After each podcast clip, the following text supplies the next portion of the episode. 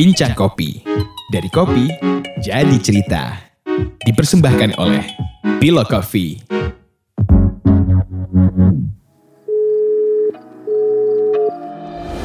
Halo. Halo Bang Igots, ini saya Dian dari Iya. Hello Coffee itu. Eh, untuk awal Bang, boleh perkenalkan diri dulu Bang. Iya, jadi saya Igor Prialdo. eh, untuk eh, pekerjaan ini saya cuma prosesor kopi. Prosesor kopi khusus daerah Toraja Sudah berapa lama Bang? dari tahun 2000 Januari 2015. Bisa cerita Bang tentang kondisi Abang di sana eh, di tengah pandemi ini bagaimana? Iya, ini eh, dampak pandemi ini memang eh, cukup dirasakan eh, dirasakan petani kopi di Toraja. Eh, harganya just ini langsung ke masalah harga itu dia ini harga kopi di tingkat petani itu lagi anjlok, lagi turun. Mungkin karena warung kopi atau hotel atau apa saja ini yang eh, tempat menyuplai kopi ini lagi tutup semua jadinya harga di tingkat petani juga ini lagi anjlok. Terus itu dampaknya ke petani ya Pak? Ya ya. Iya, dampaknya ke petani seperti itu. Harga harga turun, ta- tapi sebenarnya di Toraja ini ada ada tiga perusahaan besar. Hmm, yang pertama itu dia ada dari PT Warta Jaya, eh, perusahaan dari Jepang. Terus ada perusahaan eh, penyu eh, perusahaan mitra Starbucks namanya unit usaha otonom agribisnis Toraja. Terus ada juga PT Surat Jaya, Jaya Abadi dari kapal api. Nah mereka ini perusahaan tiga perusahaan besar.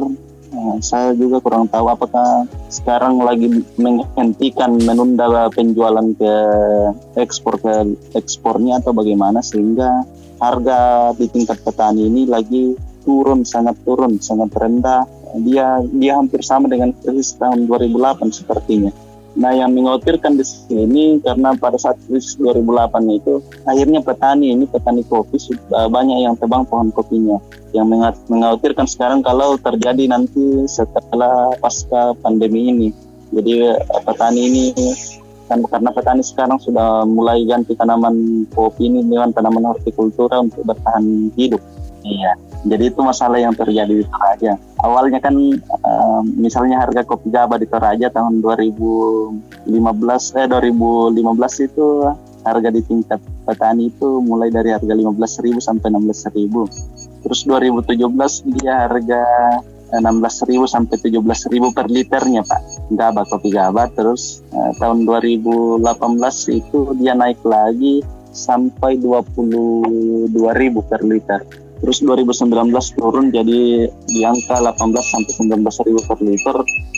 Dan tahun ini cukup riskan karena sampai turun katanya ada yang sampai 5 ribu per liter. Jadi penurunan harga sangat eh, signifikan dan kami sebagai prosesor kopi eh, yang bermitra juga dengan petani ini eh, menyarankan ke petani untuk menyim, eh, apa bisa mengolah mengolah kopinya bukan sampai di kopi gaba, bukan sampai di produk setengah jadi, tapi sampai di green bean agar bisa disimpan nantinya. Jadi kami sudah melakukan eh, sebelumnya di tahun 2015 sosialisasi untuk para petani sudah kami lakukan bagaimana cara mengolah eh, kopi menjadi green bean yang eh, layak untuk diperjualbelikan untuk ada nilai tambahnya.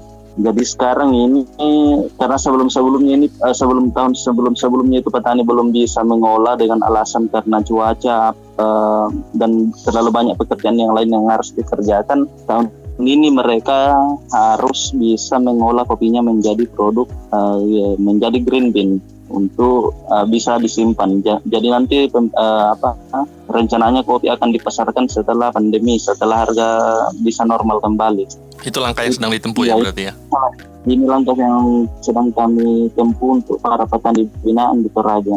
Eh, Yang jadi permasalahan adalah tidak semua petani di Toraja itu paham mengolah eh, kopinya itu menjadi green bean karena mereka tidak tidak paham mengenai kadar air, cara penyimpanan, eh, terus eh, cara cara cara haling, eh, pengupasan yang baik. Jadi biasanya eh, cuma asal-asalan sehingga nantinya ditakutkan itu kalau asal-asalan itu produknya pun kalau disimpan tidak bisa dijual. Jadi nanti ada harapan untuk pemerintah agar eh, para penyuluh di Toraja ini membuat eh, sebuah kebijakan untuk uh, melakukan sosialisasi ke tiap desa uh, walaupun dengan uh, tidak bersentuhan langsung tapi bisa membagikan saja brosur atau sejenisnya untuk uh, sebagai bahan uh, bahan uh, materi untuk petani bisa mengolah kopinya menjadi green bean. Iya seperti itu. Baik, itu Bang Igo, terima kasih. Profesor.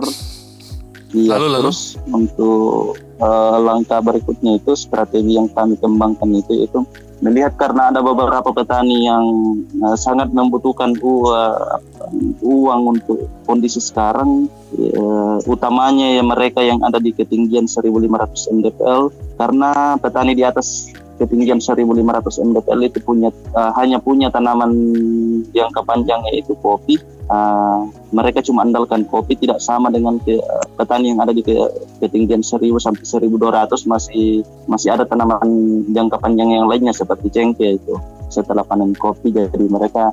Jadi yang ketinggian 1500 ini uh, masalahnya lebih kompleks. Jadi dibanding yang kami, di bawah ya? uh, sampai di sampai komun Iya, sampai kami komunik, eh, komunik kami berkomunikasi dengan petani itu katanya mereka siap saja menjual kopinya dengan harga setengah dibandingkan tahun lalu. Ya, sekarang ini lagi eh, sedang mencari pasar untuk memasarkan kopinya walaupun dia sudah setengah harga dari eh, harga tahun lalu. Jadi itu untuk eh, strategi kedua untuk petani yang dalam kondisi but, sangat butuh. Jadi cuma dua strategi yang kami lihat uh, kami uh, kami jalankan di Toraja untuk saat ini Pak. Jadi yang pertama mengolah sampai tahap green bean agar lebih awet disimpan. Kemudian mencari pasar dengan strategi penyesuaian harga yang terbaru gitu ya. Jadi penentuan harganya sekarang lagi mungkin awalnya itu kan kita penentuan harganya berdasarkan kualitas.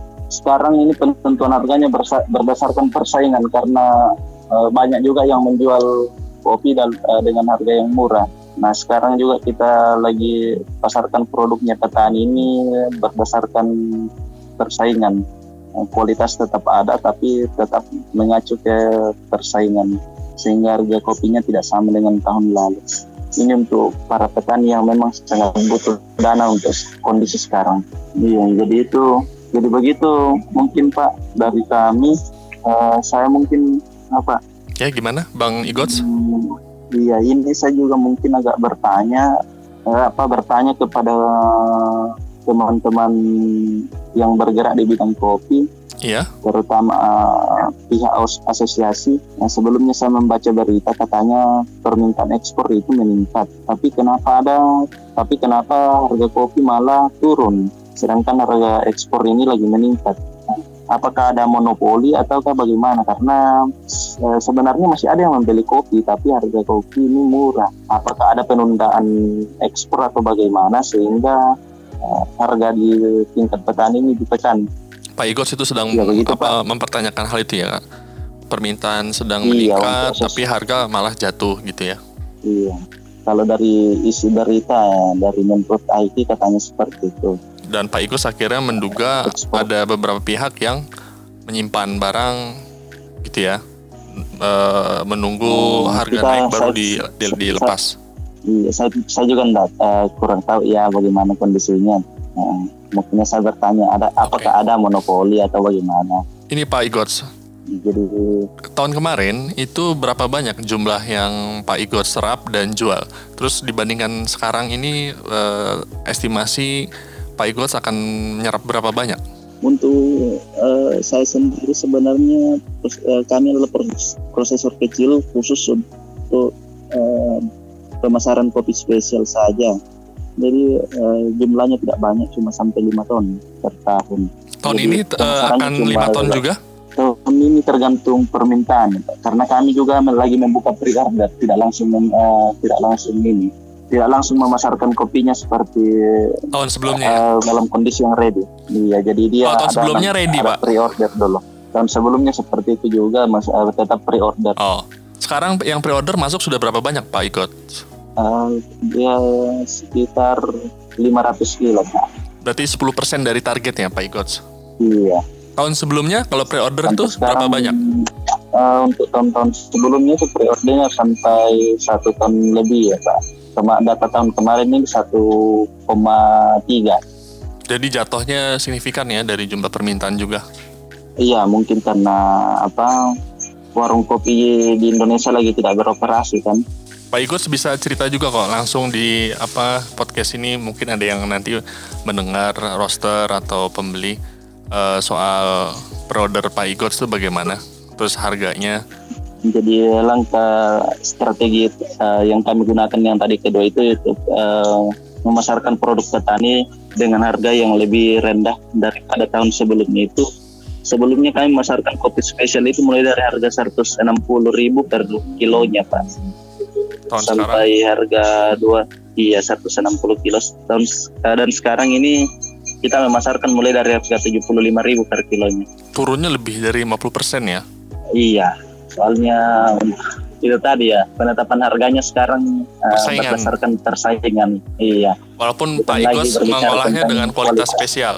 Iya uh, tetap dengan kualitas spesial karena kita uh, kemarin kami perhatikan harga di terminal kopi New York itu harga grade 1 kan dia harga 35.000 per kilo ya sampai Juli 2020. Nah, kita uh, sebagai produsen kopi spesial uh, menjualnya dengan harga 75 dengan catatan ada beberapa variabel yang tetap dipertahankan yaitu kontrol petikan terus dia tempat penjemurannya agak berbeda karena dia harus di atas para para penjemur terus sortasinya juga lebih ketat jadi dia masih dikatakan kopi spesial begitu Pak. Baik Pak Igots, dari Pak Igots sendiri mungkin ada tambahan buat pendengar bincang kopi termasuk mungkin Pak Igots bisa menyampaikan yeah. harapannya Pak Igots uh, untuk teman-teman hulu yeah. di hulu seperti apa? Uh, untuk sekarang karena memang saya uh, kami juga lagi uh, apa uh, usahanya ini dari hulu ke hilir. Kami juga punya warung kopi itu punya uh, terasa memang sangat terasa. Uh, walaupun seperti itu uh, ada baiknya kita berinovasi untuk memasarkan kopi-kopi uh, lokal ini sehingga uh, produk dari uh, petani ini masih uh, kopi dari petani ini masih bisa warung kopi beli juga. Nah untuk harga sekarang ini memang uh, cukup rendah uh, walaupun rendah bukan artinya kita menekan uh, harga di tingkat petani tapi uh, itu sudah sangat membantu untuk petani jika ada pembeli dengan harga seperti itu Pak. Iya. Baik Pak Igots, terima kasih atas waktunya. Kami turut prihatin juga dengan kondisi di sana ya Pak Igots. Semoga Iya, terima kasih. Uh, teman-teman di sana dan Pak Ikos bisa melewati ini dengan baik dan semoga ada pendengar yang tergerak untuk uh, ikut memesan kopi dari Gandang Batu ya Pak ya Pak Ikos ya namanya ya. Uh, iya iya betul Pak. Baik Pak Ikos terima kasih atas waktunya sekali lagi. Iya sama-sama. Kami berharap curahan hati ini dapat menebarkan solidaritas dan memantik nyala semangat bagi kita semua. Terima kasih telah mendengarkan Bincang Kopi. Sampai bertemu lagi di episode berikutnya.